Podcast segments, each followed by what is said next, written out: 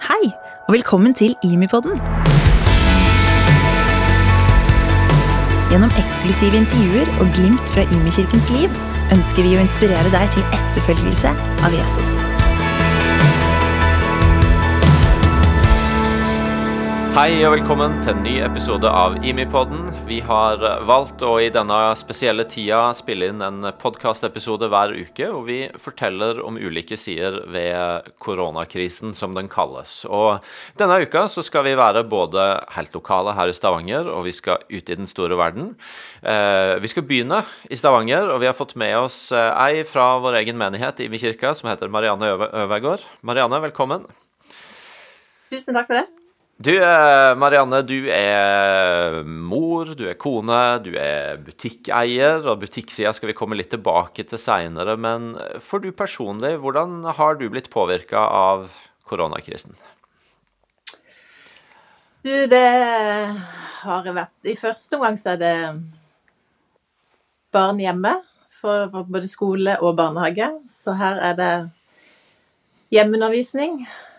Men har, han klarer seg sjøl, da, så han har eh, fikset det. Men vi har litt mer barnehage på hun på tre, så vi må underholde litt og komme oss ut i frisk luft og finne på litt eh, både pusling og leking. Så det er mye av dagen akkurat nå på det, i hjemmeperioden. Ellers er det jo kjekt å være litt mer sammen med familie. Mm. Vi har alle hatt så mye tid til hverandre. Det er litt kjekt.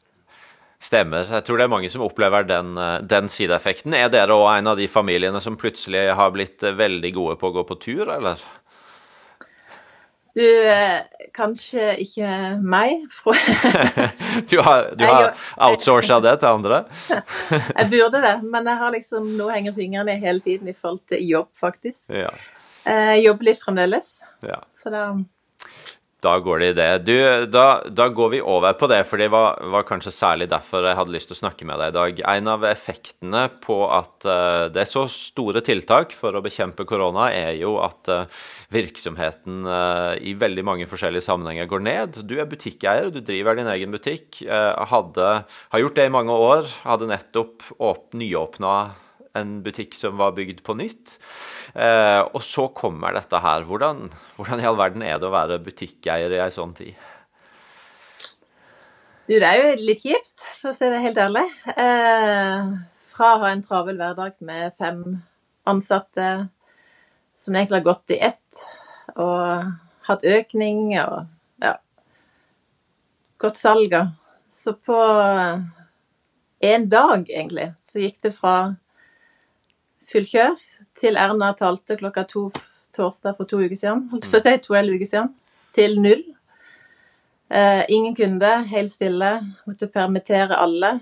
Permitterte meg selv i 50 eh, Ja. Så det har eh, merkes godt. Måtte begynne å tenke nytt. Åssen jeg skulle få salg, åssen jeg skulle klare å overleve mm. den perioden. Uh, ja. Klarer du å si noe om hva, altså, hva det gjør med deg? Det, det, må jo være en, en, rystelse. Det er jo ikke bare Én ting er at når en tenker jobben er trua, men dette er jo på en måte det er ditt, det er ditt prosjekt.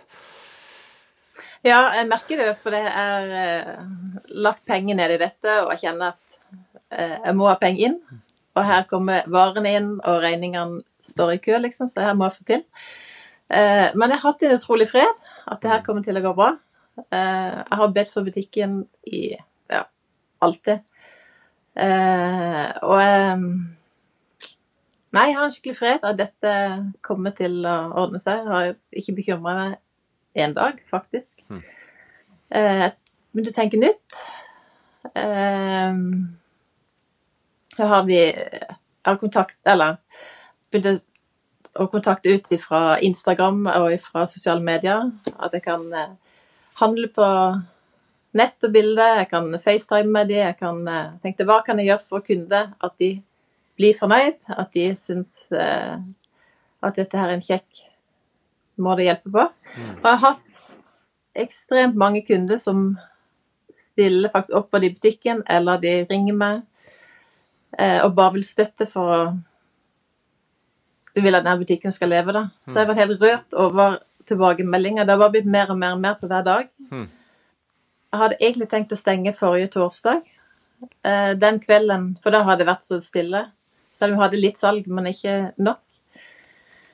Så har jeg bedt om at eh, hva, Eller hva skal jeg gjøre, liksom? Hjelp meg i dette her. Og da den kvelden så kom jeg hjem og sa til Frode jeg bare stenger. Jeg kan ikke ha lenge, eller holde på lenge. Den kvelden så ramla det inn med bestillinger på Instagram. Eh, Så sa Frode "Men bare gå på jobb neste dag, så pakker du disse varene. Så kjører du ut til kunder. Jeg har drevet og kjørt ut alle kunder, da. Mm. Både fra den ene siden av byen til langt ut i Ja, Gokk på andre siden av byen. Eh, sånn starta det egentlig. Så den dagen forrige torsdag så bytta jeg pakke. Og begynte å legge mer bilder ut på Instagram. Eh, og siden da så har jeg egentlig bare økt salget, faktisk. Jeg har eh, pakka til kunder, facetimer med de. Noen har kommet inn i butikken, noen henter varene opp på taket på Magasin Blå. Hmm. Jeg tenkte hva kan jeg gjøre for at kunden skal bli velsigna, kunden skal bli fornøyd? Og, det, og det er faktisk en av de tingene som jeg har eh, ønska oppi dette her. Å be om at eh, eh, Selv om det bare er en klesbutikk, liksom. Mm. Hvordan kan jeg være med å velsigne kundene oppi denne kjipe greia når folk sitter hjemme og sier folk Ja. Skal få velsigna tilbake igjen. Ha den der gå og levere på døra, for eksempel. Ansikt til ansikt og Mm. har jo vært eh, en eh, eh, For meg er jeg synes det er kjempekjekt. Og jeg syns det er å yte litt lille ekstra. Eh, og selv om ikke Ja. Jeg ber for hver kunde. Hver gang jeg leverer en pose, så jeg ber jeg velsignelse for det huset og velsignelse for de menneskene og for de klærne de har på seg. tenker jeg Det her er min måte det jeg kan gjøre for å ja, velsigne oppi den perioden her. Det er jo fantastisk å høre på det du forteller nå. Det eneste du forteller, er jo at du sjøl opplever på en måte godhet og engasjement fra andre eh, som, som vil du og butikken din vel, men så snur jo du noe som egentlig er veldig vanskelig for, for deg, til en mulighet til å velsigne andre. Eh, har du fått noen respons på det? Du eh, Veldig. Jeg får si jeg har eh, Jeg har til Eller jeg har fått eh, ja, i hvert fall i forhold til å levere varer, eller i forhold til å eh, Så får jeg utrolig mange tilbakemeldinger på at herlighet, det her er fantastisk.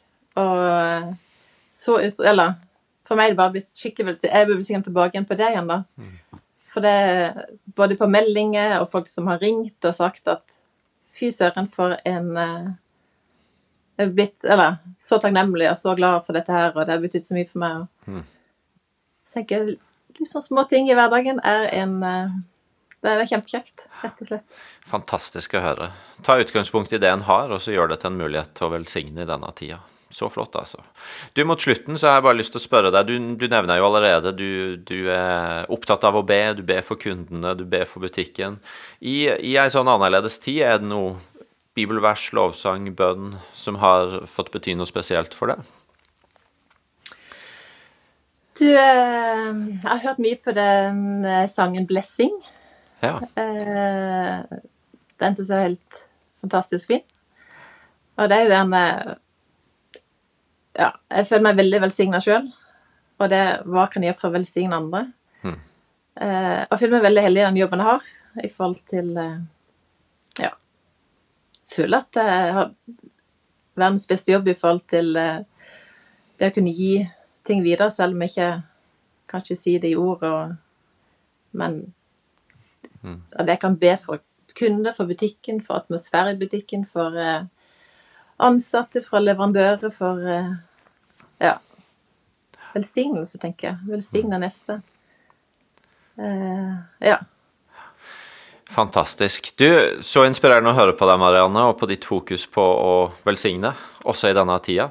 Tusen takk for at du var med oss, Jo, takk for at du var med. og lykke til eh, videre med å finne nye kreative måter å drive butikk på.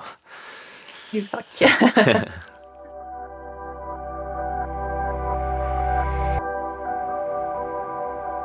Det var Marianne Øvergaard vi nettopp snakka med, og nå har vi fått en helt ny gjest med oss. Eh, skal vende blikket fra Stavanger og ta hele verden eh, mer som perspektiv. Eh, og vi har ringt opp Dag Inge Ulstein, bistandsminister. Dag Inge, velkommen på Imipodden.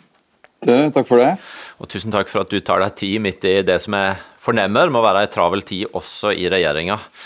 Du, jeg, jeg, bruker å spørre alle gjestene på Imipoden i denne tida eh, hvordan koronakrisen påvirker personlig. Så du skal få snakke litt mer om eh, ministerdelen etterpå, men sånn personlig, hvordan, hvordan har denne tida vært for du? Altså, det er jo en uh, utrolig spesiell situasjon. Uh, det er det, altså. Um, det første som slår meg, er jo at det er jo, det er jo noen fine ting òg. Jeg har liksom tenkt på det, Vi skulle ha regna på verdien av alle som har fått sittet og spist eh, måltid sammen de siste dagene og ukene. Um, og Det har liksom vært en, eh, en glede for min del. For jeg skulle vært mye ute og reist. Skulle vært i Kongo akkurat nå. Um, men har fått vært veldig mye mer uh, hjemme. Uh, det er kaos, det er intenst. Men det er, det er fantastisk godt å kjenne liksom ja, takknemligheten av at en er frisk, og at de rundt en er friske, og at vi får være sammen. Selv om det er mye putekrig og kaos. altså Det er helt klart. Og så har jeg jo måttet liksom tvinge meg til litt eh, hjemmekontorplass da, mellom eh, Legoen og bilbanen og, og sånt, som veldig mange andre kjenner sikkert på i, i disse dager. Så, men, det, men, det, er mye jeg må si, altså. Så, takknemlighet over å være frisk og, og, og kjenne på at vi kan være med og og betyr noe for andre um, i en tid som, som det her òg. Så, um, så, ja, det er egentlig det jeg kjenner mest på. Så bra. Du, eh, jeg har vært litt opptatt av å få fram historien om at koronakrisen ikke altså Det er nat helt naturlig og helt fint at, eh, at, mye fokus blir på at vi må ha barna våre hjemme, at det skjer ting med jobbene våre, ting som har med det lokale og nære og enten her i byen eller her i landet å gjøre. Men så er jo korona en pandemi som rammer hele verden. Jeg har vært litt mm. opptatt av å fortelle den historien, og, og at gjerne også det er mennesker som bor i andre land enn Norge, som, som er langt mer sårbare enn det vi er akkurat nå. Eh, kan ikke mm. du som bistandsminister, som på mange måter antagelig ser det bildet tydeligere enn veldig mange av oss, fortelle litt om, om hva du ser? Det er jo ofte sånn at når krise treffer, så er det de mest sårbare som blir aller hardest ramma. Um, og det som er en krise her, uh, tror jeg dessverre vil utvikle seg til en katastrofe i mange, mange av de fattigste landene og i, i utviklingslandene spesielt. Bare som et eksempel, Jeg snakka med helseministeren i Malawi, 17,5 millioner innbyggere. Um, de har um, ti intensivsenger i hele landet. Eh, de hadde fått 1000 sånne koronatestkit kvelden før jeg snakka med han. Um, og det er klart at Jeg vil aldri få vite hvor mange som eventuelt er smitta og hvor mange som dør av, av korona i det landet. Uh, det var inntil bare for noen dager siden ikke mulighet til å få testa um, heller. Så det, det, det, er store store utfordringer. og mange av de landene sliter jo og har slitt med, med, med, sultkatastrofe og med, med, stor arbeidsledighet. Og det finnes liksom, det er ikke noe som heter krisepakker eller hjemmekontor eller eh, de tingene der. Så det er, det er store konsekvenser. Så jeg kom nettopp fra ledermøte nå sammen med utenriksministeren og hørte det siste oppdaterte tallet på hvor mange barn som ikke går på skole. 83% av alle barna i verden er nå på en måte hjemme. Eh, og det er krevende for oss, men likevel der er et opplegg som gjør at barn får eh, en viss grad av eh, skole nå, de fleste iallfall her. Mens erfaringa fra tilsvarende krise før i mange utviklingsland er at barna ikke kommer tilbake igjen på skole. De blir altså, mm, altså tvinga til å arbeide eller bli sendt bort for å skape mat eller inntekt. Um, og, og, Det gjør at situasjonen på nå kommer til mange av de landene å dra med seg i, i, i, flere flere år med tilbakegang i forhold til økonomisk vekst og enda mer sosial ulikhet. Og, og dessverre helsesystem som, som, som, er veldig sårbare i utgangspunktet for ja, blir forverra situasjonen når, når det ser sånn som nå. Mm. Og hvordan tenker du at vi som Norge, som enkeltmennesker, som på en måte den delen av verden som, som tross alt i en sånn situasjon er privilegert, kan, kan, respondere i møte med dette? Altså, heldigvis så er det mye vi, vi kan gjøre. Um, vi er privilegert fordi vi som sagt både har krisepakker og vi får samfunnet til å gå eh, videre. Og så har vi hatt en tradisjon for å hjelpe i slike kriser. Um, og, vi, og, jeg har brukt den siste uka til å liksom engasjere andre. Ringt rundt både liksom mine nordiske kollegaer og, og, andre. For at vi ikke bare liksom skal stoppe opp med å berge oss sjøl eller liksom eh, bruker som bilde med å sikre alt dopapiret bare til meg og mine. Mm. Men at vi faktisk eh, tenker at nå trenger vi enda mer internasjonal solidaritet og enda mer engasjement ute. Og så har vi jo i Norge mange utrolig dyktige eh, hjelpeorganisasjoner som samarbeider med lokale partnere. Det kan være trosbaserte organisasjoner, kirke, andre.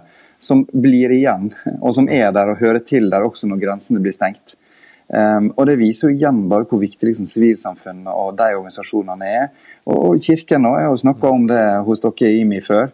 Uh, det er jo da en spesielt ser at, at, nettopp de organisasjonene når inn til de mest sårbare på måter som ingen andre gjør.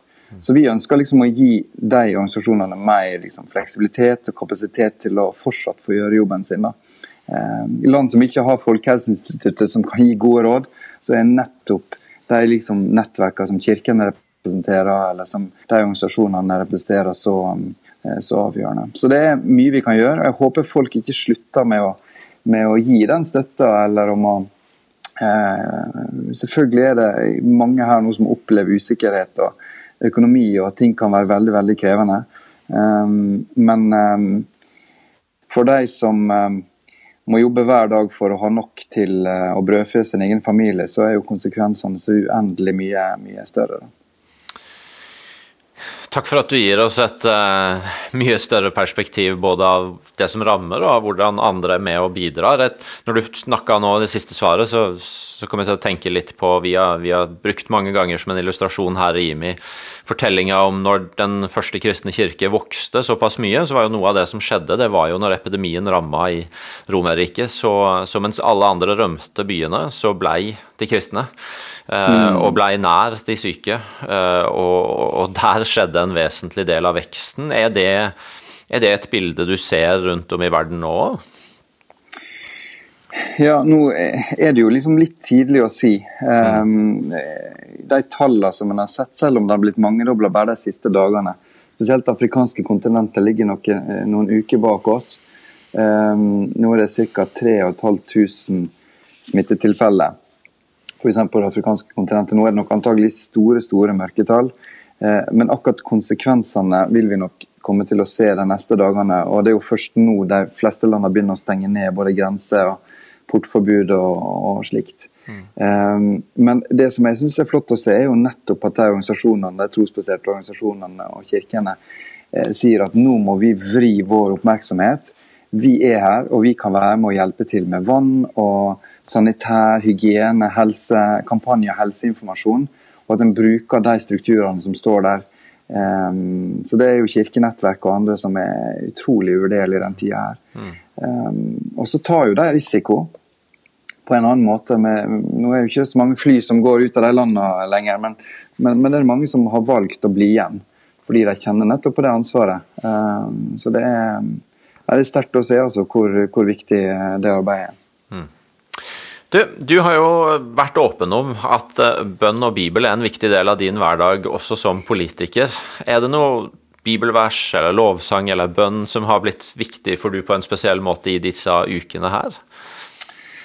Jeg blir eh, så oppmuntra med mange som sender meg melding eller som ringer eller eh, en e-post på en måte at nå, nå, ber vi spesielt for deg og for dere som, som står i den posisjonen. Og flere som har sendt, sendt bibelvers. og men det var en, et som kom i går, og jeg har egentlig tenkt mye på det tidligere. og Det som står i Romerne 15. Det er om håpets gud. Mm. Eh, så står det om glede og fred, og at vi skal ha eh, hvordan Det står der? Det står at vi skal være rike på håp, men det står at vi skal ha overskudd. altså Vi skal ha på en måte håp òg til andre som nå er uten håp, eller som frykter eller som er bekymra. Eh, jeg har liksom gått og liksom nynner på, på, på, det her med liksom, Gud som er trofast. Mm. Eh, Gud som, eh, som, er håpets gud, og som har Så vi kan være rike på håp i en tid der det er mye andre verdier som, som, som, går nedover. Kanskje det vi tror skal skape oss trygghet og skape oss sikkerhet. ikke sant? Oljefondet som, som er lekk i disse dager. Så, så er det noen mm. andre verdier som kan stå fast. da. Mm. Så um, det er Romerbrevet 15, jeg tror det er 13. Der står det noen fantastiske vers om det her, som, um, som, som betyr mye for meg. i hvert fall. Det er et nydelig bilde å ha overskudd av håp. Da har du, mm. har du litt til de andre også. Eh, du nevner det sjøl her, men det siste jeg hadde lyst til å spørre deg om. Vi har vært opptatt av å be for uh, de som leder landet vårt i denne tida. Det er mange store, viktige valg som skal tas. Du sitter sjøl som en del av regjeringa.